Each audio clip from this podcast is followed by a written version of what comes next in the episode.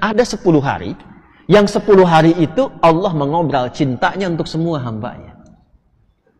Inilah latihan yang bisa merubah seseorang secara singkat jadi hamba yang dicintai oleh Allah.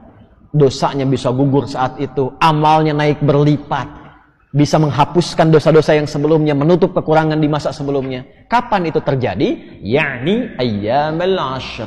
10 hari pertama bulan Dhul Hijjah. 10 hari pertama. Qala seorang sahabat bertanya mengklarifikasi walal jihadu fi sabilillah ya Rasulullah. Ya Rasulullah apakah jihad fi sabilillah? tidak mampu juga menandingi keutamaan di amalan 10 hari pertama bulan Dhul Hijjah ini qala beliau berkata beliau bersabda walal jihadu fi sabilillah bahkan jihad fi sabilillah pun tidak bisa mengungguli keistimewaan amalan di 10 hari pertama ini illa kecuali satu amal saja rajulun kharaja bimalihi wa nafsihi wa lam yarji' min dhalika bi seorang yang berjihad karena Allah dengan hartanya, dengan jiwanya sampai wafat dia tidak kembali lagi. Jadi yang ingin kita bahas adalah ada 10 hari saja. Setiap tahun datangnya cuma sekali 10 hari ini.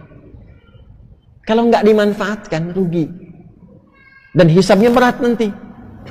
Bagaimana kalau di hadapan Allah kemudian ditanya, saya sudah berikan kepada kamu waktu yang tidak saya berikan kepada yang lainnya. Kenapa nggak kamu manfaatkan?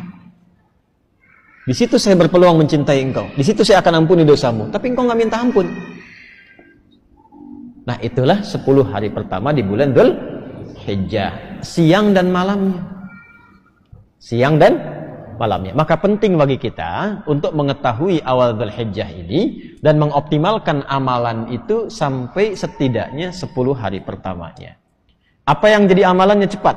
Kalau sudah sampai di waktu ini, apa yang menjadi amalan yang bisa kita optimalkan. Satu, langsung saja berdasarkan hadisnya.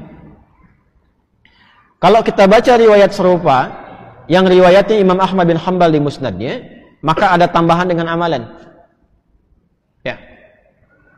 Qala kama qala Rasulullah sallallahu alaihi wasallam fa'akthiru maka perbanyak satu at-tasbih wat tahmid wat takbir wat tahlil. Itu amalan untuk melatih hati. Perbanyak. Pagi, siang, sore sampai malam tasbih. Subhanallah, subhanallah, subhanallah, subhanallah, subhanallah.